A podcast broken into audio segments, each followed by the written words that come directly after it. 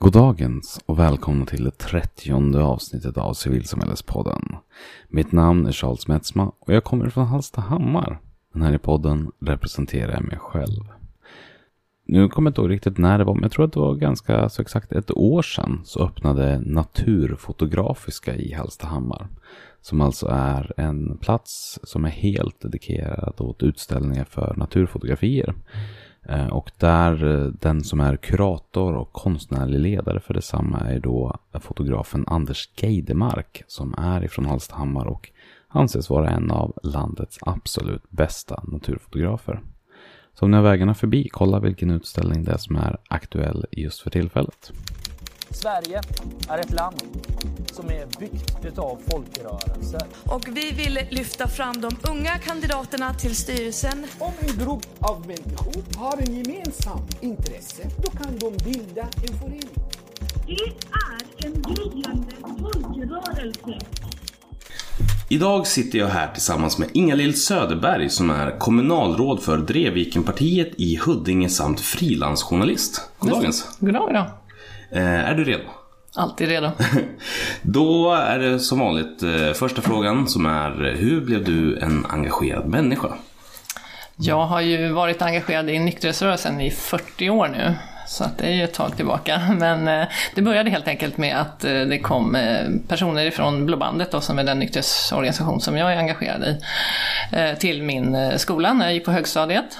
Och så bjöd de in oss till lägerskola. Man skulle lära sig om alkohol, narkotika, tobak, och så.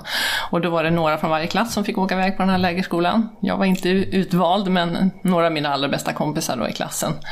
Och när de kom tillbaka sen efter den här lägerskolan så skulle de ju lära resten av klassen mm, om alkohol, narkotika och tobak och så. Och eh, jag blev väldigt engagerad i, i det de hade lärt sig och de tyckte det var jätteroligt att vara med på den här lägerskolan. Så då startade vi en eh, liten egen förening helt enkelt, en Blåbandsungdomsförening ute i det samhället där vi bodde i Tungesta. Vad häftigt som förening och den typen av ingång att liksom rekrytera rekryterare Ja, direkt. Verkligen. Och, och skapa sånt engagemang bland eleverna att man till och med startar en egen förening. Eh, Det var häftigt. Och inte bara i vårt lilla samhälle då, utan på kanske tio platser runt Stockholm startades också liknande föreningar som hade varit ute, när de hade varit ute i deras skolor. Då. Eh, Och vi träffade ju de här andra föreningarna, så det var inte bara att vi själva, vårt kompisgäng, hade roligt, utan vi åkte ju runt och träffade de andra på fester och läger och kurser och sådär. Och eh, hade oerhört roligt. Vi var inte så engagerade i drogfrågan kanske då, men vi hade jätteroligt till att börja med. Ja, det blev eh, främst gemenskapsbiten. Verkligen. ta- Ja. Och sen nästa steg var ju att man träffade de här eh, föreningarna i resten av landet då. Så vi åkte ju på riksläger och vi hade många riksmästerskap i olika idrotter. Vi spelade volleyboll och fotboll och innebandy och allt vad det var för någonting. Ja. Så det var ju oerhört kul också. Och i det väcktes ju då det här engagemanget sen också för alkoholpolitiken hur, hur man faktiskt kan vara med och påverka. För det här var ju under eh, mellanölsperioden. Vi kämpade mot eh, att mellanölet skulle gå ifrån livsmedelsbutiker till, till Systembolaget. Då. Eh, Och vi kedjade fast oss i eh, Vin och spritcentralens grindar där de skulle köra ut påskspriten till affärerna. Sådana grejer. Det var jättekul och massa olika upptåg inom alkoholpolitiken som vi körde. Men, men var det bara tid eller skulle du säga att det var någonting annat då som gjorde att du gick från den här, alltså att söka gemenskapen till att också eh, verka för organisationens eh, själ? Nej, men det var väl kanske lite grann uppmärksamheten också. Eh, vi fick ju lite rubriker i tidningar och vi skickade insändare och det var jättehäftigt att få det publicerat. Eh, sen så började jag ju skriva mer och mer om alkoholpolitiken eh, redan som, som ung. Då. Eh, vi intervjuade de andra eh, de politiska ungdomsförbunden, vad de hade för inställning i alkoholfrågan. Och det var ju Anna Lind till exempel, eh, eh, ordförande för SSU. Så det var ju, ja, vi åkte runt och, pr- och pratade med dem och tog bilder och, och skrev i vår tidning då, Blåbandet. Har det varit att- Blåbandet sedan hela liksom, vägen in i kaklet eller har du gjort andra avstickare till andra organisationer också? Eh, Det har mest varit Blåbandet på olika nivåer och på alla möjliga olika poster. Jag har jobbat sen också inom Blåbandet, både som förbundskonsulent för ungdomsförbundet, sen kanslichef på Vuxenförbundet. Men sen så utbildade jag mig till fritidsledare på en folkhögskola som hade inriktning just på organisationer. Så att det vart eh, också att jag eh, ja, eh, engagerar mig i andra organisationer också. Och sen jobbar jag på ett idrottsförbund som kanslichef också. Så det, mm. mm. Ehm, och sen så snurrade du in till kommunalpolitiken. Var, var steget däremellan naturligt och lätt eller var det helt frikopplat? Eh, jag såg det väl inte som, som egentligen eh, samma sak. Och för det första så var det väldigt lång, lång tid emellan. Jag har varit väldigt engagerad i alkoholpolitiken men partipolitik har varit helt ointressant för mig. Jag var med ett litet tag i Folkpartiets ungdomsförbund i och för sig, men det var mer för att de hade den bästa alkoholpolitiken på den tiden. Eh, Men partipolitik har jag, det är jättetrist har jag tyckt. så just för att man, ja, det är så mycket personpåhopp och det är liksom debatter och jag har inte gillat den där typen. Men det parti som jag är engagerad i då, det är ett lokalt parti och där är det ju sakfrågorna, de lokala frågorna som engagerar. Inte ideologi och var man står på höger-vänster-skalan utan eh, man jobbar för det som är viktigt där jag bor. Och vad var det som fick dig att ta steget in i det då? Eh, Jag gick med i partiet, eh, det var en granne som pratade över, över staketet eh, hur bra det är att engagera sig lokalt och vi jobbade för att dela kommunen och det var ju engagerad i den delningsfolkomröstningen, kampanjen helt enkelt. Och sen så fick jag frågan om jag ville börja jobba som politisk sekreterare för det här partiet eh, efter valet då, 2010 och hoppade på det. Jag visste inte ens att det fanns ett sånt jobb som politisk sekreterare. Jag var helt ointresserad så. Ja. Eh, Men det har varit fantastiskt roligt också att eh, engagera sig i den, den typen av organisation också. Men du måste ju ha kommit att börja gilla det eftersom att du nu till och med har blivit kommunalråd då för Ja, ja. Nej, men det är jätteroligt. Man lär sig oerhört mycket på politiken. Både om sitt närområde, då, eftersom vi bara engagerar oss i, i Huddinge kommun och inte i rikspolitiken. Eh, och om människor, om kommun, hur kommunen fungerar och, och sådana saker. Så att, eh, ja, och visa att man kan göra skillnad faktiskt. Men då kanske vi tar och rullar över på själva temat för avsnittet. Som, eh, som vi idag har döpt till historiebevarande, tror jag. Vi får se om det blir det i slutändan. Men det, det smakar gott på tungan just nu för tillfället i alla fall. Eh, hur kommer det sig att vi ska prata om just historiebevarande? Alltså, när jag berättar så här hur jag blev engagerad så känns det ju liksom, ja men det är viktigt att veta vad som har hänt tidigare. När man kommer ny, som ny i en förening så, så alltså jag i alla fall tror att det är viktigt att eh, man, man vill veta hur, vad som har hänt tidigare och varför finns den här föreningen överhuvudtaget. Eh, hur har man jobbat tidigare om man kommer med nya idéer. Så, Eh, och då var det ju så att eh, eftersom jag skrev så mycket om eh, alkoholpolitiken i, i våran tidning Blåbandet då, så eh, till slut så tänkte jag att jag ska utbilda mig till journalist. Så att jag gick på Poppius journalistskola och sen så startade jag ett eget frilansföretag då, 2005. Eh, och då fick jag uppdraget att skriva Blåbandsungdomens 100-årsbok som redaktör då för den här boken. Det är inget litet arbete, låter det så. Nej, det är det inte. Jag visste väl kanske inte vad jag gav mig in i, men eh, det visade sig vara mycket roligare än vad jag hade tänkt från början också. Eh, Det fanns ju tidigare jubileumsböcker då, från 25 år, 50 år och 75 och sådär, men eh, jag ville beskriva dels vad som har hänt under alla de här åren, men kanske trycka lite grann på vad som har hänt de sista, sista åren. Så att jag intervjuade många av ordförandena som har varit tidigare, eh, de som har jobbat inom förbundet och, så, de som fortfarande leder. Då. Mm. Men du sa att det är bra som eh, att komma in mm, när man är ny medlem. Att känna till historien bakåt. Var, varför? Eh, ibland så kan det vara tråkigt så här att eh, när man kommer med nya idéer så säger folk ja men det här har vi provat förut.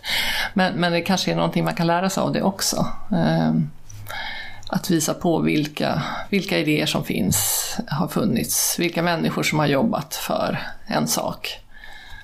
Eh, Vi har ju också anknytningar till eh, vårt internationella förbund, hur det har sett ut på, på alltså utomlands, samma organisationer. Hur har man jobbat? Hur har kontakterna mellan länderna sett ut?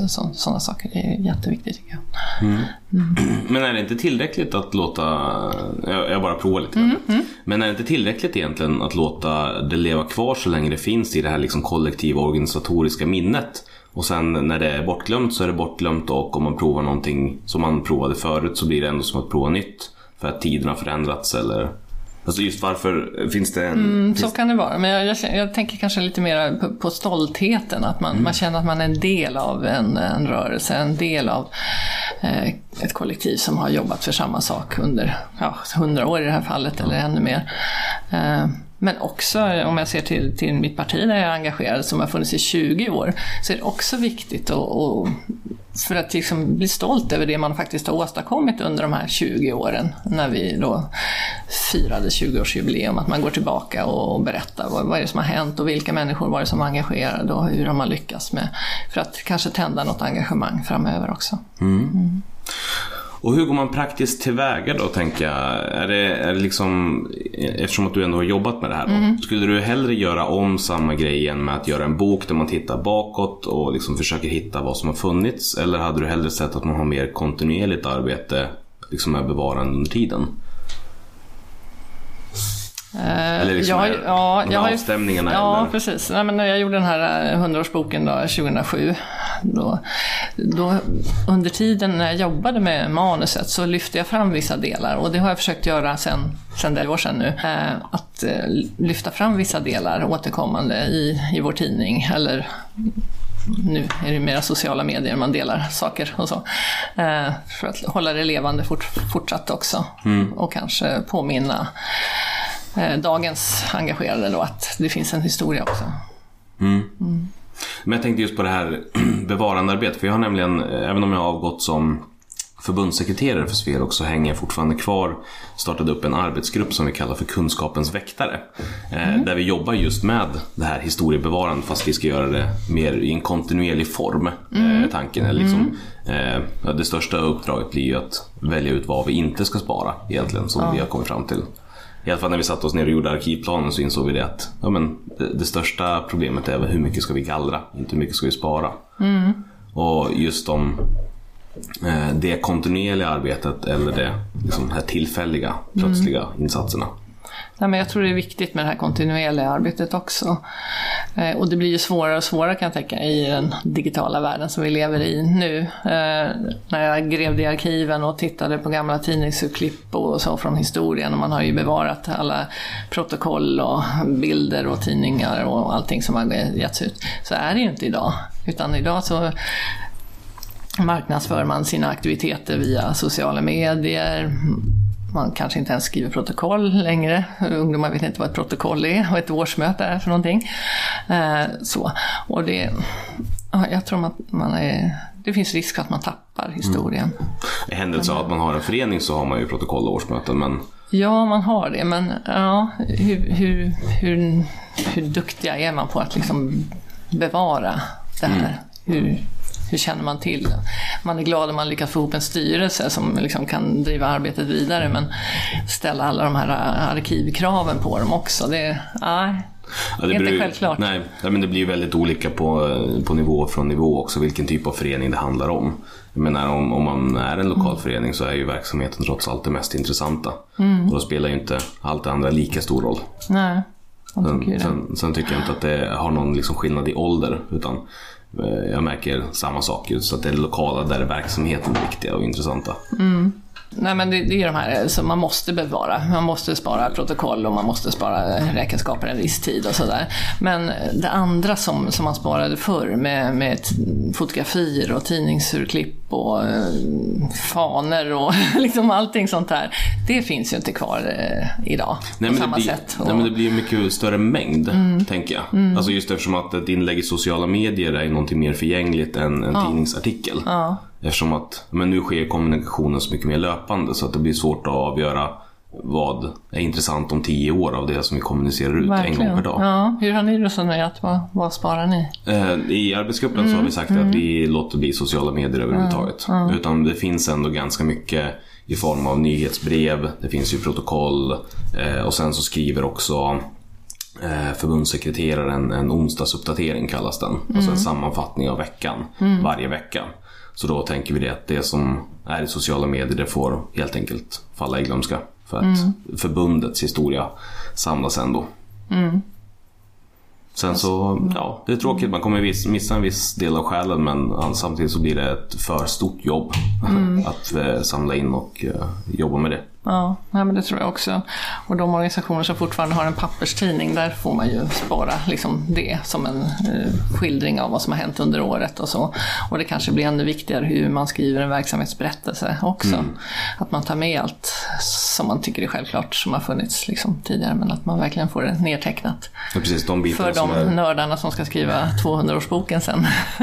de bitarna som även rör sig utanför eh, verksamhetsplanen eller alltså just det här sammanfattandet av året. ja, och i det här arbetet då eh, med bevarandet så finns det vissa liksom, praktiska hinder också. Jag tänker att när man väl har jobbat ett tag så, så blir det ganska mycket eh, material.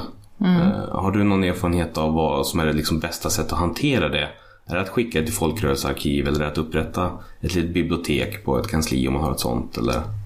Folkrörelsearkiven är en eh, ett himmelrike. jag älskar folkrörelsearkiven. De är fantastiska. Och det är ju så skönt att bli av med alla de här pärmarna som man tycker är tråkiga just nu då, men som eh, får ett värde senare. Eh, Så. Men så kan man eh, däremot på kansliet ha lite mer lättillgänglig historia så är det himla bra också. Kanske lite av de här fotografierna som jag eh, pratade om också. Ehm, Och mer knyta an till traditionen snarare än den matliga informationen. Precis. Ja. Men har du hängt mycket på folkrörelsearkiv? Eh, Ja, när jag skrev boken så var det i Örebro då. Ja. Där vi har vårt material på bandet. Och sen så har jag ju lämnat det från mina lokala föreningar som jag har varit eh, både i Haninge och Södertälje. Mm. Mm. Ehm, ska vi se, ska vi se. Men i arbetet med den här 100-årsboken då. Hur, hur började du? Vad, liksom, hur, hur angriper man en sån uppgift? Jag började med att läsa de här eh, tidigare jubileumsskrifterna då. Eh, Så, och de är ju väldigt, i alla fall 25 och 50-årsskriften var ju väldigt, eh, vad ska man säga, ur, uråldrigt språk och sådär. Ja. Så att det var ju första att försöka få ett tilltalande språk 2007. Så. Ja. Och sen så delade jag in det i, för det första, årtionden. Beskrev historien, vad som hade hänt eh, på 10-talet, 20-talet, 30-talet. Mer som i krönikor eller liksom? Ja, lite så. Och både eh, vad som hände på alkoholområdet, alltså rent eh, konsumtionsmässigt, hur, hur mycket drack man på 10-talet? Och vad gjorde nykterhetsrörelsen då? Och sen så vad gjorde ungdomsförbundet då? Så, mm, på 10-talet och 20-talet och så vidare. Så att man fick den där, man förstod liksom eh, vilken, vilken situation man levde i. På då. Och det är ju lite in- intressant eh, att eh, koppla det till liksom, den nationella ja, men sätta, situationen, hur det såg ut. sätta organisationen i sammanhanget. För att organisationens historia är ju heller inte frikopplad från resten av verkligheten. Nej. Det var spännande, smart.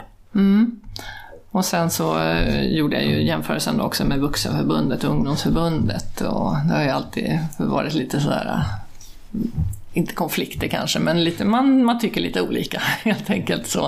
Eh, Man utvecklar varandra. Ja, fint sagt.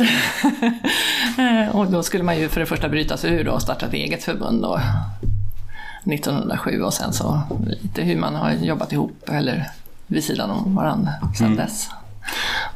Och sen har vi olika verksamhetsgrenar inom, inom Blå bandet också. Då. Det är scoutverksamhet, barnverksamhet, ungdomsverksamhet. Det internationella arbetet, så det har fått olika kapitel i, i den här boken också. Mm, Okej. Men, men förutom att liksom då börja läsa jubileumsskrifterna, vad gjorde du mer då? Sen gick jag tillbaka i våran tidning då, som finns bevarad sen, ja, sen 1883 när det första numret kom ut, men här var ju från när ungdomsförbundet startade då, 1907.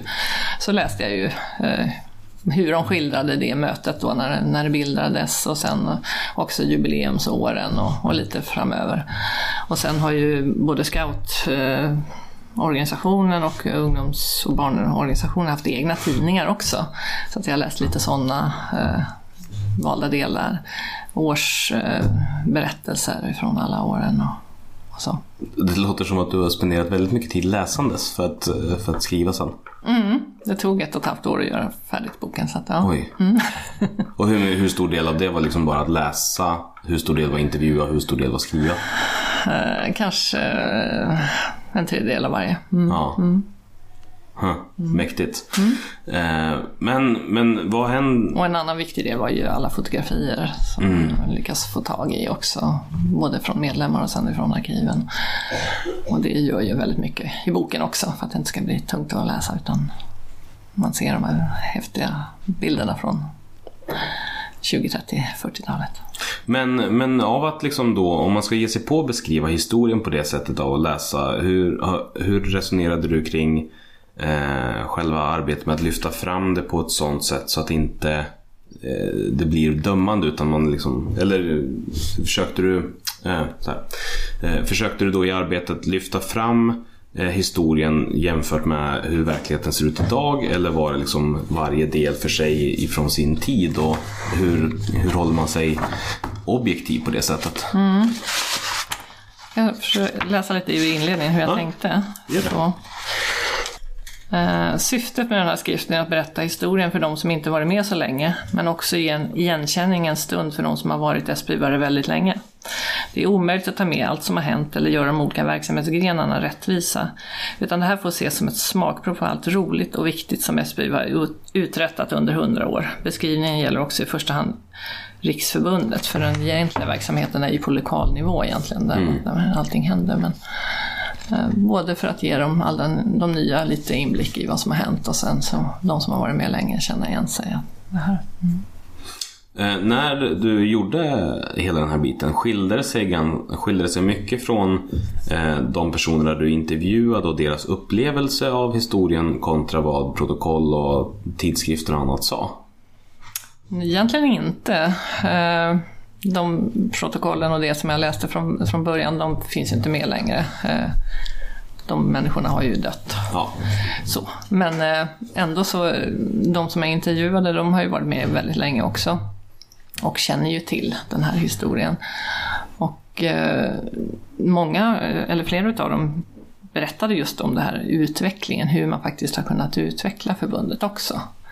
Så att man är inte kvar i det gamla, så har det alltid varit, utan man har, man har hittat på nya grejer. Och på gott och ont. Ibland har det liksom blivit konflikt med Vuxenförbundet för att man har varit för radikala eller, eller så. Men ja, man har provat nya vägar och hittat på nya verksamhetsgrenar och så. Mm. Men jag tänkte just ur perspektivet om om man själv är intresserad av att ge sig på någonting liknande just hur tillförlit eh, och i händelse av att man inte mm. har lika mycket nedtecknad historia. Mm. Liksom just hur, mm. hur tillförlitlig du ansåg liksom, de människorna vara. Men då känns det som att i händelse av att det inte finns mycket skrivet så handlar det om att prata med så många som möjligt. Mm, det skulle jag säga. Och sen får man ju, det är aldrig någon som kan ha facit och liksom säga att det här är exakt så som det har varit. Eller, och det, det svär man ju fri från också. Att är det några faktafel så är det mitt eget. Så, men man får ju, ja, väga för och emot och ta med det som känns riktigt. Mm. Ja men samtidigt, det går ju inte, alltså det är ju en, eh, en dåres ambition om allting skulle vara helt korrekt och riktigt när man försöker sammanfatta en mm. hel rörelse som innefattar så många människor mm. och egentligen så många sanningar i varje given stund. Verkligen. Ja, för, för ingens bild av organisationen är exakt densamma. Nej, så är det. Eh, så det är väldigt, väldigt svårt. Um, men vad upplevde du som, vilken var den största utmaningen i att försöka sammanfatta och eh, liksom skapa den här boken? Jag hade väldigt bra bollplank av den eh, som har varit ordförande väldigt länge i ungdomsförbundet och som eh, tongivande så. Så att vi, vi bollade ju väldigt mycket eh, så att vi inte skulle glömma bort någon, någon verksamhetsgren till exempel. Eller, den här beskrivningen av alkoholpolitiken fick jag också hjälp med från en annan som är väldigt duktig på det. Så att, mm, det, det är som du säger, det är inte en enmansjobb utan det är... Mm. Och när du, när, du, när du började i inledningen så sa du att du att du kanske inte riktigt hade förstått vad det var du gav dig in på när, när du tackade ja till uppgiften. Vad var det som liksom var den här stora chocken jämfört med vad du hade föreställt dig? Nej men det var väl att eh, den här ambitionen av att läsa allting som har, som har varit, alla verksamhetsberättelser eller årsböcker som, som det fanns då från, från början. Att eh, kunna avgränsa då. Man kan inte läsa allt. Så att, ja, det var väl det egentligen. Ja. Mm. Förändrade sig din bild av organisationen någonting eh, under arbetet?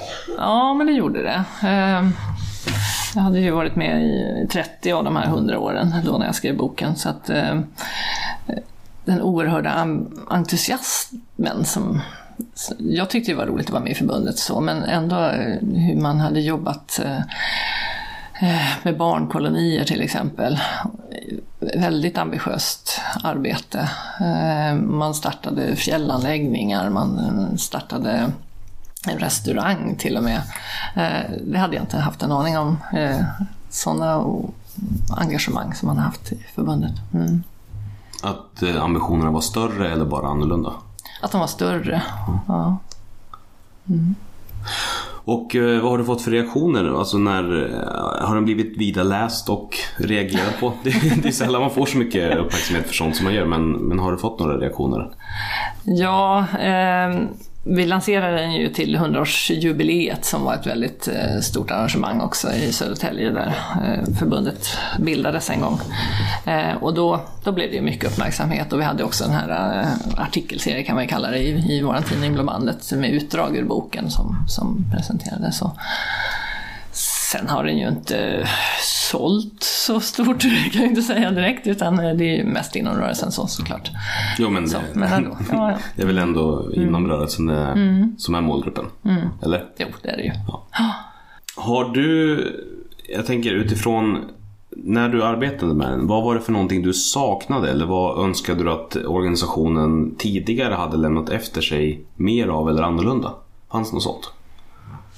Mm, Nej, det tror jag inte. Utan eh, man har varit väldigt duktiga på just det här med arkivfrågor. Mm. Och det var just protokollen och tidningarna och Ja. det var mer än tillräckligt för att kunna Ja. berätta. Precis. Vår tidning kom ut eh, en gång i veckan i början. Så det fanns ju mycket så. Nu är det fyra gånger om året, sex gånger per år. Ja. Eh, Så, men snarare det jag saknade det var väl kanske att det var fler som var lika, lika engagerade i historien och tyckte det var lika roligt som jag. Så, mm. För jag är ju sån här nörd. Vi har ju vår lokala förening, Blåbandsförening i Västerhaninge då, som har funnits lite längre än, än ungdomsförbundet. Vi satt och läste, då har jag med handskrivna protokollsböcker från början då. Man bildades 20- 1905. Eh, Så vi hade en studiecirkel år efter år när vi satt och läste protokollen från början. du förstår att jag är helt galen. Vad, vad härligt! det är helt underbart. Och det hade vi väldigt stor glädje av när, när den lokalföreningen då skulle fira sina 100 år, Ja men verkligen. 2005 då. Men varje år så liksom gjorde ni ett arbete med att läsa igenom tidigare protokollen. Mm, Fan vad häftigt. Väldigt svårtydda handstilar, men det gick bra. Och då hade vi ju de som var äldre i föreningen med också, som kommer ihåg alla de här som det berättades om då. Alltså man också levande Ragnhild gjorde. Andersson i, i den i det huset som, ja du vet ju, och den är ju släkt med den och Mm. den hade ju barn som det här och berättar om alla. Så det är helt fantastiskt roligt. Precis, för bakom varje liten att-sats så finns det också en liten anekdot eller Ja, bakgrund. så vi kom inte fram så långt utan det blev mycket snack kring och så. Och det är det som är det viktiga också, att man träffas och, och pratar och umgås. Och, Men vad häftigt. ja. Men, men hur skulle du säga att den typen av liksom, tillbaka, aktivt tillbakablickande påverkade föreningen i övrigt? Hade man också kapacitet att jobba framåt eller blev det eh, bara nostalgi till slut? Eh, lite grann eh, nostalgi så, för att eh, den här föreningen, eh, när den bildades då, 1905, så var det första man sa, vi vill ha en egen lokal. Vi ska bygga ett hus. Mm. Och så skaffade man en tomt och så eh, fick man tegel skänkt till sig och eh, samlade in pengar och så byggde man det här huset. Eh, och det eh, blev en väldigt fin verksamhet, blomstrade och mycket medlemmar och väldigt mycket roliga aktiviteter och så. Tills man slutet av 60-talet då hade tappat alla medlemmar och ja, det var ju tufft för många föreningar då. Eh, Så man var tvungen att sälja det här huset igen. Så att då när vi satt och läste de här protokollsböckerna då hade vi inte huset kvar. Och eh, det är lite svårare med ett engagemang när man inte faktiskt har en hemvist. Ja, verkligen. Mm, Alltså, och framförallt så, så men om man inte har en fast plats så oavsett om den är digital eller fysisk Mm. så, så är det ju så, det, det håller inte lika länge om man ska träffas på offentliga platser. Nej. Bara Nej. så sporadiskt. Och även om man hyr in sig hos en annan organisation som har ett hus eller i kyrkan som vi lånade eller, så är det inte samma sak. Det är inte ens eget. Och, Nej, nej men det blir inte alls lika långsiktigt. nej. Eh, Och hela, jag ska vi se, det är inte förra avsnittet men för förra avsnittet handlade just om vikten av mötesplatser. Eh, Just det, med Folkets hus och parker. Ja, Ja. precis. Jag är vice ordförande i Våra Gårdar som är nykterhetsrörelsens motsvarighet till Folkets hus och parker. Så att jag har ett väldigt eh, stort hjärta för våra samlingslokaler också. Ja. Så. Och vad de betyder för att också bevara historien faktiskt. Hur tänker du då? Nej men där, där har man ju sin, sin fasta punkt. Det är mycket lättare att eh, spara eh, verksamhet i, om man har en lokal. Eh, fotografier, tavlor, eh, protokollsböcker, vad det nu kan vara för någonting. Eh, det är lättare, lätt, mer lättillgängligt helt enkelt. Och risken att någonting verksamheten sätter spår i lokalen också. Så man kan, ja, men vad är det här för en tavla? När det står om någon, någon verksamhet eller man har fått diplom för att man har- var en riksmästare i någonting. Så kan man börja prata om historien och verksamheten. Om du gjorde om det här eh, arbetet med att försöka sammanfatta 100 år i en organisation, vad, vad hade du gjort annorlunda? Oj. Eller kortare, men liksom just att försöka sammanfatta historien. Ka- kanske att eh, plocka in nutiden lite mer. Just det här som du är ute efter. Vad betyder det här i nu? Eh, vad betyder historien idag? För Det tror jag inte jag har beskrivit. Och på vilket sätt tänker du då? Eller? Eh, kanske pratat med några riktigt nya medlemmar. Eh, vad tror du om historien? Eller eh, har, har du några tankar om varför det här förbundet finns? Vad kan de ha uträttat under de här hundra åren? För att väcka ett intresse? börja, för... för att börja tänka, för den här nya medlemmen, att börja tänka på att men det kanske finns en historia tidigare. Ja, Ja, Mer ur perspektivet att rekrytera en till historiebevarare. ja kanske det. kanske det. Ja, de behövs. Men, men, vad har, Mm. men vad har den lokalen då betytt för den där som ni pratade om som ni byggde med skänktegel och liknande? Vad, Mm. vad betydde den och vad, eh, vad innebar den för föreningen innan den försvann? Den betyder ju väldigt mycket för samhället runt omkring också, för man använder den som en samlingslokal. Det fanns ju Folkets hus tvärs över gatan, eh, det fanns IGT hade sin lokal, men man hade lite olika inriktning på verksamheterna. Så att, eh, i Blommaslokalen där kan man ha, kunde man ha roligt och, och dansa och så. Det, eh, det fick man inte göra i, i kyrkans lokaler och så vidare. Så att, eh, men eh, om jag får läsa lite hur hur det stod i de här protokollen då. Eh, ifrån invigningen 1914 när man har lyckats mura upp alla de här teglen som man har fått skänkta och eh, lyckats få pengar till att bygga det här fina huset på toppen av berget. Söndag den 29 november 1914 invigdes föreningens nya lokal i Tungelsta. Med halv elva-tåget från Stockholm anlände flera gäster som hjärtligt mottogs av bröderna Wollmer, Lindgren med flera. Färden ställdes nu till höjden där den blågula duken fladdrade från en stång. Att det skulle bli fest på höjden, det märktes ju på avstånd. När man sen kom närmare blev man ännu mer övertygad därom, ty där var så pyntat och krattat runt omkring, ja, även den nya skrapan i det färska granriset gjorde sitt till för att höja effekten. Våra gäster beundrade och förundrades över det vackra läget vår lokal har fått. Sen den nya skrapan avprovats steg vi upp för trappan där broder Larsson i Elensborg mottog och välkomnade de främmande. Vid inträdet i den stora salen hördes ett samfällt Åh, så trevlig lokal ni har fått. Och det kunde då med allt skäl sägas, ty den var fint prydd med blommor, mycket blommor och en vacker flaggdekoration i fonden. I lilla salen var kaffebordet dukat till vilket våra gäster inbjöds. Riksdagsman Byström påstod att det måtte vara ett bra kök eftersom där kunde kokas så gott kaffe. Men jag håller på mitt kön och ger dem äran, därom nämligen de som har kokat och serverat detsamma. Klockan 11 på förmiddagen hölls predikan av Fredrik Lindqvist över dagens högmässotext. När sen den var slut tog de olika värdarna sina gäster med sig hem på middag. Klockan halv två var vi åter i lokalen, ty innan den egentliga festen började skulle både medlemmarna i höjden knäppas av men innan detta blev gjort hade en hel mängd festbesökare anlänt så de finge också vara med. Klockan tre började invigningsfesten vilken sen fortgick i nära tre timmar efter ett mycket omväxlande program. Först en historik över byggnadens tillkomst utarbetad av ordföranden. Sen sång och musik, mycket och god, och därefter föredrag av redaktör Byström samt deklamation av ingenjör Sundell som till slut, det bästa av allt, tio nya medlemmar i föreningen. Sen den allmänna festen avslutats fortsatte den enskilda med ett lite trevligt samkväm för medlemmarna, omväxlande med kaffedrickning, musik och tal, långa och korta. Deklamation och till slut avåts en enkel supé av bredda smörgåsar och mjölk, varvid man skildes åt och undertecknad tror vore alla ense om att invigningsfesten på höjden vore i, allt, all, i allo angenäm. Ida Ahlstrand, sekreterare. Ja, det är så fint.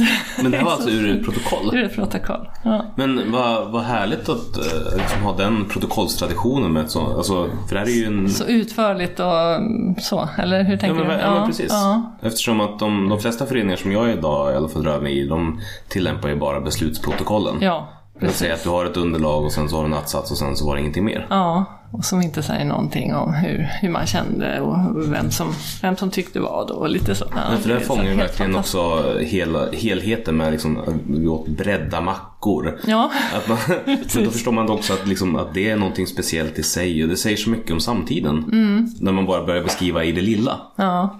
Och vördnaden för de här, ja, ordförande si och så och sekreteraren hej. Ingenjören. Ja, ingenjör. ja.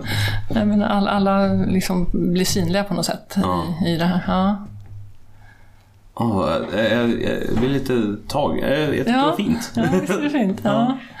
Var det mycket sånt så- som jag läste då i det här, eh, eh, både när vi hade studiecirkeln såklart, när vi läste alla protokoll, men också när jag jobbade med boken. Att, eh, det finns så mycket som man inte kan ta med, men som, som genomsyrar allt, allt det här bevarade. Och jag är lite orolig för att vi inte kommer att kunna bevara just de här sakerna för framtiden.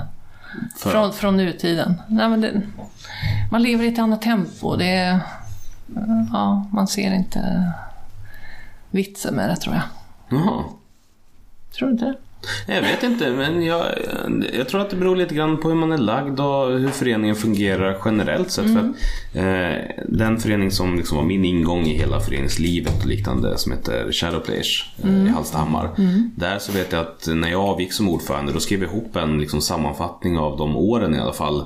Eh, eh, som, som, som jag hade varit ordförande och sen så la vi den till handlingarna som en rapport.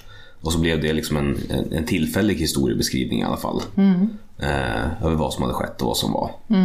Men där, ur, ur mitt perspektiv så var ju motivationen att jag ville ju sen kunna visa upp någon annanstans vad det jag har gjort. Alltså allt det här arbetet och allt det här engagemanget, vad har det inneburit? Eh, men det fanns ju också tanken av att liksom ge det till föreningen. Att eh, om, jag, om jag någon gång försvinner, vilket jag kommer göra, eh, oavsett om det är snart eller långt i framtiden.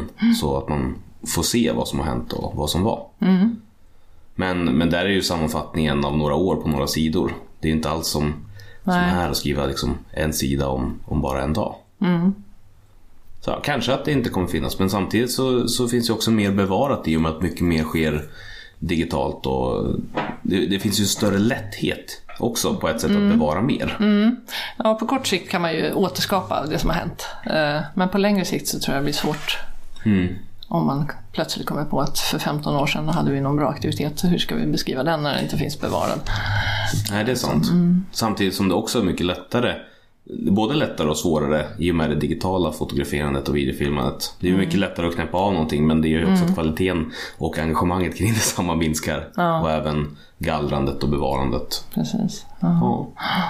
Nej, men jag tror att mycket Jag tror inte det går att skylla det helt på samtid utan det beror nog på huruvida man har en liksom, Om man gör en aktiv ambition av att faktiskt bevara historien eller inte. Men jag, jag, jag, jag, jag, tar i alla fall med mig att jag kommer nog börja införa lite grann av eh, även ja, kringande i protokollen. Jag har länge varit emot det för att jag, jag tyckte, tyckte om strikta protokoll. Precis. Ja. Men, men plötsligt så är jag inte riktigt lika benhård i den uppfattningen. Ja, men, och det är också det här med referat. Det är ju sällan vi skriver referat ifrån våra aktiviteter. tycker jag nu. Som man gjorde ofta förr. Jaha. Ja, Alltså bara en kort redogörelse. årsmötesreferat eller eh, aktivitet. Ja, Ja. precis. Har man ingen... Nej, men alltså det här som, som många... eh, Nu ska vi se. Satt man in i lokaltidningen Ja, till och med på den tiden. Ja, men- ja, men det skulle ser jag. aldrig hända idag. Jo men jo, det händer fortfarande eh, kontinuerligt. Dels i lokaltidning som jag Mm. läser men sen så bevakar jag också olika så, nyckelord runt om i Sverige. Ja. Mm. Och det är faktiskt väldigt vanligt förekommande fortfarande just de här redogörelserna hur många som kom, vem som höll en föreläsning och hur gott kaffet var. Ja, ja. De tre komponenterna som Okej. måste finnas i en sån. Ja, brända smörgåsar fick vi. Ja. ja, det är underbart. Men jag hoppas att det här kan inspirera någon till, eh, till att, liksom, att göra en liten insats även för, för dåtiden.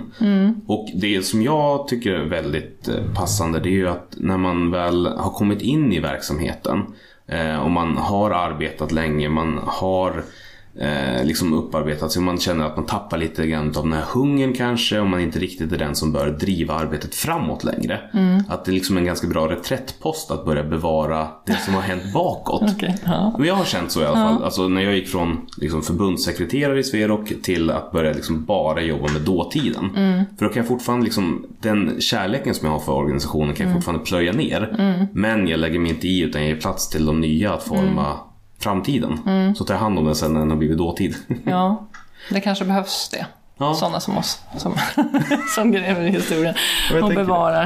Eh, vad jag är lite orolig för det är hur ungdomar ska lära sig det här med eh, överhuvudtaget föreningsteknik. Och som jag sa, det ungdomar som inte ens vet vad ett årsmöte är eller protokoll. Att man inte får lära sig det i skolan eller mm, det finns ingen anledning att, att lära sig det för man behöver inte engagera sig på det viset. Man fick inte lära sig i Man får- skolan förut heller. Jo, Fick man? jo, det fick man. Ja, Jag är lite äldre än du. okej. ja. Nej, ja, det var min uppfattning men det, jag böjer mig. Ja. Ja. Men samtidigt så eh, ungdomsrörelsen växer ju, alltså antalet engagerade ökar ju varje år också. Ja, fast är de engagerade i styrelsearbetet? Eller är de engagerade i saken, i verksamheten? Det är ju svårt att säga för varje enskild organisation men, men om jag bara pratar ur Sverok också så är det fortfarande sist jag kollade så var det 16 000 förtroendevalda. Mm, jag tror Svereko är det undantaget bekräftar regeln. För att Nej, men det, även- idrott, om man tittar på idrottsrörelsen eller nykterhetsrörelsen inte minst, är ju jättesvårt att få folk till förtroendeposter. Och, Mm, det där det är spännande. Jag kommer, det kommer vara ett framtida avsnitt så fort jag hittar rätt person. För att jag lever lite grann i uppfattningen av att ja, men, oftast de organisationerna som, som är där har liksom tappat lite grann eh, viljan att engagera fler. Och att det är snarare det än att människor inte vill engagera sig. Men Men hur duktiga är ni på att lära de nya som kommer hur det fungerar? ja, Vad ska vi arkivera? Typ. jag har lärararkiver, eller Ja, föreningsteknik överhuvudtaget. Så. Ja, alltså allting bevaras ju automatiskt i det digitala systemet. Så det är ju ett, eh, för att få bidrag som man får från oss då, så måste man ju registrera allting i, i e-bas som det heter. Så att det blir ju automatiskt bevarat. Eh, Men, eh, och då lär man sig också det till viss del. Sen så är det klart att det är, eh, det varierar ju. Jag menar, har man en organisation med 90 000 medlemmar, ja men då kommer det finnas alla former av varianter. De som lär sig det supermycket och de som inte alls förstår det. Just det. Ja, det finns lite att ta av. Ja. Ja, men, men min uppfattning är inte i alla fall att det är kunskap som är på väg att gå förlorad eller som kommer att försvinna i sin helhet. Och pratade ganska mycket i ett också nyligt avsnitt med Johan von Essen som, som forskar kring det här mycket. Eh, och den, just hur datan visar att nej men, eh, eller de här befolkningsstudierna som de gör visar det att engagemanget fortsätter och att det till och med är lite över eh, bland ungdomar just det här att engagera sig i eh, styrelsearbete kontra rikssnittet om man tittar på alla befolkningar. Eller inte alla befolkningar, hela befolkningen. Ja, Det låter bra. Så att jag, jag, är inte alls, jag delar inte den eh, oron. Nej, vad tror jag skönt. Ehm, Hoppas du kan övertyga mig. Men... men jag har ju också spenderat de senaste åren i ungdomsrörelsen så att jag lever väldigt mycket i den bubblan och har sett all den fantastiska kraft som finns där. Sa han till den gamla tanten. Ja, det, var, det var inte så det var menat i alla fall. Men utöver eh, den här historieboken så har du skrivit lite andra grejer som jag tycker är, är spännande som vi skulle kunna ta lite tid att prata om. Mm. Vad, vad har du skrivit i övrigt? Ja, Jag ägnade ju ett år att åka runt till eh, olika organisationer som driver välfärd, eh, skola, vård och omsorg. Eh, på uppdrag av kommuner och regioner. Så, idéburen välfärd helt enkelt. Mm. Så det har jag skrivit en bok om. Och vad kom du fram till där då? Eller vad, om, du, om det är en snabb... Ja, jag kom fram till att det finns ett oerhört engagemang i de här organisationerna. De är väldigt stolta över det de gör och de gör det väldigt bra. Eh, Alla har, tillför ju något mervärde mot en, om en offentlig verksamhet skulle driva samma sak. Eh, Och eh, de är, alla har tänkt till kring det här med mervärdet. Varför är det bättre att Bräcke diakoni sköter den här verksamheten än kommunen? Eh, men de är lite dåliga på att visa det. Vilken typ av mervärden var det det handlade om då? Engagemang bland personalen till exempel, att man jobbar mycket med volontärer så att eh, de man jobbar med ser att oj, den här människan är här och, och jobbar för sin egen skull, inte för att den får betalt till exempel. Det är ett sånt mervärde. Eh, att man eh, ser hela människan, att man kan liksom jobba både med sjukvård och sen på hemmaplan med hemtjänsten. Att det är samma organisation som kommer så att man inte faller mellan stolarna utan sådana saker. Så ur liksom ett eh, vad ska man säga, marknadsspråk så skulle man säga att kvaliteten liksom för vårdtagaren ökar. Så kan det vara. Kul. Eh, Sen har jag också sett att det kan inte vara helt lätt att eh, driva kommunal verksamhet som en ideell organisation. Vissa kommuner är jätteduktiga på att samarbeta med civilsamhället medan andra ser att nej, det här gör vi bäst själv. Vi vill inte ens lyssna. Så. Någonting annat i den? Eh, alltså, nu sitter vi i Västerås och då måste man ju bara säga Tillberga. Ja, det är ett häftigt ställe. Ja, Tillberga är ju ett samhälle som nästan helt drivs av en ideell organisation. Tillberga grannskapsservice.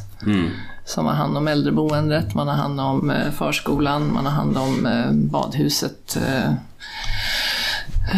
Allt egentligen utom grundskolan eh, som man driver som en ideell organisation. Och, alla i närsamhället eh, känner ju till vad som är på gång. Eh, Vill man ha något ändrat så är det nära till de som beslutar. Och, och så. Det blir mycket smidigare allting. Precis, för det är ju en del av Västerås stad som de så eh, vackert döpte om sig till för alla kransorter. Ja, just men, men just att de, de har tillåtelse att, att vara sina egna. Eh, Jag kom i kontakt med dem förut för jag satt i, eh, eller var engagerad i Lider med och delade ut pengar och då var ju de några som drev projekt med Just jämna mellanrum.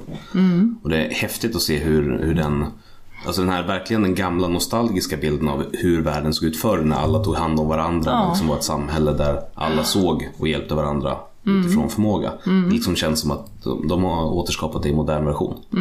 Verkligen. De säger som man, man vill ha hönor på äldreboende till exempel.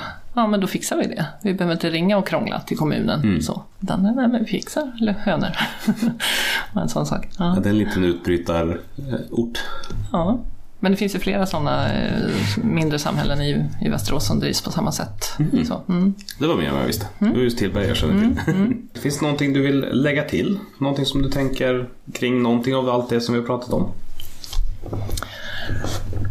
Eh, nej men det kanske är det här med, med samverkan med, mellan kommun och civilsamhällen då eftersom jag är kommunalråd och eh, i en kommun som inte har bäst record på samverkan med civilsamhället. Eh, jag gör en sån jämförelse i min bok också mellan Huddinge och Botkyrka då, som är grannkommunen där man har sedan länge haft en överenskommelse med civilsamhället och eh, många utav fritidsgårdarna till exempel drivs av föreningslivet medan man inte alls har samma tradition i Huddinge. Då. Ehm, hur mycket nytta man kan ha av civilsamhället som kommun. Vi har börjat med några få exempel med individ, eh, idéburet offentligt partnerskap, alltså ett sånt avtal med Brottsofferjouren bland annat. Ehm, så, så det är en bit på väg, men det går att göra så mycket mer. Mm. Och det, det där får bli som en liten teaser för att eh, det finns ett, eh, om ingenting händer då, så finns det i alla fall ett inspelningstillfälle inbokat med en person från Västra Götalandsregionen. eh, För att prata just om relationen mellan det offentliga och civilsamhället. Precis. Så det blir en liten en försmak för den som är intresserad. Men som avslutning så kommer du då, precis som alla andra, få frågan eh, att berätta om någonting som du är stolt över. Någonting som du har gjort som, ja men fan det här eh, har mitt engagemang gjort skillnad eller påverkat eller gjort bra på ett sätt som jag eh, riktigt, jag tycker det är fint. Och också någon gång när, när det inte gick så bra, när det misslyckades och gick åt helvete på alla sätt och vis. Men, men då med fokus på vad du lärde dig av det sen. Det behöver heller inte vara så dramatiskt. Men någon form av lärdom. Eh, ja, eftersom vi pratar om historien så jag, jag är väldigt stolt över den här boken faktiskt. Mm. att det gick att få ihop den. så, och jag hoppas att den har satt lite spår i organisationen också. Att man, man känner den här stoltheten över organisationen och eh, kan gå tillbaka och titta på de olika verksamhetsgrenarna. Det här har vi gjort jättebra och vi, vi finns fortfarande och vi, vi kan göra skillnad framöver. Mm. Nästan som en liksom, identitetsskapare. Ja, faktiskt. Vad ska vi säga? Eh, det kanske är lite grann som du var inne på förut, eh, hur vi bjuder in till saker. Det har ju återkommande varit sådär. Man hittar på en jättebra aktivitet och så bjuder man in till det och så kommer det inte någon eller två. Vilket man inte hade hoppats på. Eh, och det kan man väl lära sig på, lära sig av att göra på ett annat sätt. Vilket annat sätt? Jag menar, om, Ja. inte om vilket annat sätt, men i alla fall vilket. Vi hade en, en konsulent eh, under många år i, i Blåbandet, en ungdomskonsulent, Jörgen. Han skickade vykort hem till folk och uppmanade dem att komma på aktiviteter och så vidare. Det var hans sätt och folk kom, man ur huset. Så. Eh, men kanske inte vykort är eh, idag det bästa, men ändå tänka vad är det som gäller idag? Hur, hur når vi folk på bästa sätt? Men försöka hitta vad är det personliga och engagerande tilltalet idag. Ja, precis. Det personliga tilltalet, det, det är nog det viktiga. Eh, Att vi ser dig och du är viktig för oss. Kom. Tack så jättemycket för att du kom hit och delade med dig. Tack. Sverige är ett land som är byggt utav folkrörelser. Och vi vill lyfta fram de unga kandidaterna till styrelsen Om en grupp av människor har en gemensam intresse, då kan de bilda en förening. Det är en gryende Tack folkrörelse. till er som har eh, swishat pengar till mig för att jag ska göra den här podden. Ni, ja, ni är för jävla fina. Det eh, känns mycket märkligare, konstigare och finare än vad jag hade tänkt mig. Att liksom, ja. Tack. Eh, och självklart så finns det också en ny liten överraskning i butiken. Men allt det här har ni ju lärt er vid det här laget. Och om inte så finns infon i textformat i slutet på avsnittsbeskrivningen. Idag tänkte jag prata lite grann om det här med komplimanger. Och sett till den fantastiska mängd av människor som faktiskt lyssnar på den här podden så är det väldigt få som hör av sig och säger vad de tycker om podden. Och trots detta får jag vad jag upplever en överväldigande mängd positiva saker till mig. Och jag kommer ganska ofta på mig själv att inte riktigt veta hur jag ska hantera det hela. För jag tycker liksom själv förstås att podden är riktigt bra och jag uppskattar att arbeta med den men vissa människor upplever att upplever jag känner en ja, nästan djupare koppling till den än vad jag själv gör. Och då är det lite svårt för mig att spegla den entusiasmen som jag har framför mig. För det är mer än en gång som någon har kommit fram och sprudlat av glädje och energi och med ett behov av att få lovprisa. Och jag möter den enorma komplimangen relativt avmätt. Mest har det att göra med att jag generellt sett kan vara ganska stel i spontana sociala situationer. Men också att jag helt enkelt blir överrumplad. Alla situationer som har liksom också gemensamt att jag önskar att jag gjorde mer och visade hur mycket det faktiskt betydde för mig. Hur glad och hur glad jag blir av det. Som idag till exempel när jag var på Tollare folkhögskola för att delta i en paneldiskussion om hur demokratin kan demokratiseras på Västlunddagarna. Fram till mig kommer då en person med ett stort leende orden Jag ville bara hälsa. Jag följer podden som du gör och jag gillar den. Nu är det här förstås inte då en, en överdådig kärleksförklaring utan mer av en hälsning och likväl känner jag att jag inte helt hittar i mig att visa exakt hur glad jag blir. Och jag går liksom och tänker på det flera timmar efteråt. På samma sätt som andra kanske famlar efter en riktigt, riktigt snärtig comeback och först dagen kommer efter och, eller kommer på och så här. Ah, så där skulle jag förstås ha sagt det. Samma sak händer mig. Fast jag tänker istället, ah, så där skulle jag förstås ha reagerat. Så kollektivt till alla er som jag möter som säger fina saker om mig i podden eller något annat jag gör. Förlåt för att jag inte alltid reagerar så sprudlande och tack för att ni inte bara uppskattar utan också tar tiden att säga det. Det betyder jättemycket för mig. Och bland de här komplimangerna så kommer ibland någonting som sticker ut lite extra. Som trots att allt masserar mitt mående lyckas träffa lite extra rätt. Och idag tänkte jag faktiskt läsa upp ett sånt brev för jag blev ganska betagen av det. Eh, vissa saker har jag tagit bort för att personen inte ska identifieras som den inte vill, men jag citerar. Hej Charles! Jag skriver till dig för att skicka några uppmuntrande ord gällande ditt arbete för det allmänna, stundtals tråkiga, men överlag jäkligt fräcka engagemang vi brukar kalla civilsamhället. Jag är före detta ordförande för en förening eh, i landet och började lyssna på civilsamhällespodden när du lanserade den. Jag älskade nördigheten i den och tyckte att det var så pass lärorika att jag även bad min efterträdare att tuna in. Hen fastnade och jag har haft förmån att se hur dina samtal gett insikter och lärdomar, vilket jag efter några år i ideellt engagemang lärt mig älska mer än det mesta. Fick senare höra att du även tagit kontakt med henne och velat diskutera någonting så härligt torrt som ansökningsblanketter. Och det är egentligen därför jag mejlar dig nu. Den typen av personlig kontakt och intresse för den dolda sidan av engagemang gör oerhört mycket för persons intresse och glöd. Och jag hoppas att du själv känner av den positiva energi du bidrar med. Stort tack! PS. Gick nyligen med i en Sverokförening för att få utlopp för lite nördigheter.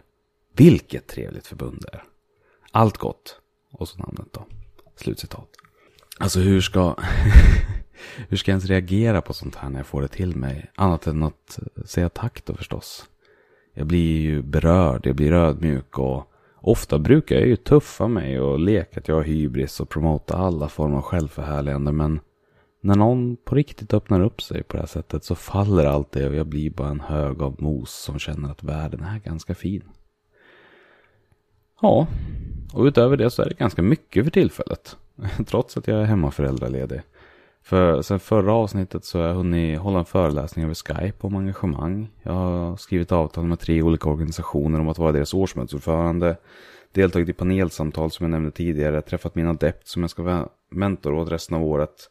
Och dagen efter avsnittet släpps ska jag upp på en hel dag med gänget på styrelsepost.se där vi ska lära av varandra och på andra sätt göra varandra bättre. Och jag har fått ett uppdrag där jag ska hålla lite workshops och liknande för en, eh, en organisation. Så det är, det är mycket på gång nu. Men trots det så betyder det inte att min hunger efter mer har mättats. Men jag skulle däremot säga att om det inte dyker upp någonting riktigt häftigt nu här eh, på vägen till sommaren så är jag nog inte tillgänglig för fler årsmötesuppdrag eller föreläsningar. Men däremot så kommer det en höst och jag eh, skulle säga tveka inte ta kontakt i tid. Jag älskar framförhållning. Men det som är ännu viktigare med hösten för min egen del är ju att jag ska börja förvärvsarbeta igen. Eh, och ännu har liksom inget av de alternativen träffat precis rätt. Så jag letar fortfarande just efter den där tjänsten som, som får det att kittla lite extra. Så om du ser eller hör eller vet om tjänster så får du jättegärna tipsa mig. Så i första hand så är jag intresserad av att arbeta inom civilsamhället, uppenbarligen. Eh, Med någon typ av utvecklande arbete i ledande eller ledningsnära position. Men jag skulle också säga att låt inte begränsas av en så kort mening utan om det är så att du tror att någonting skulle passa mig, tipsa mig om det också.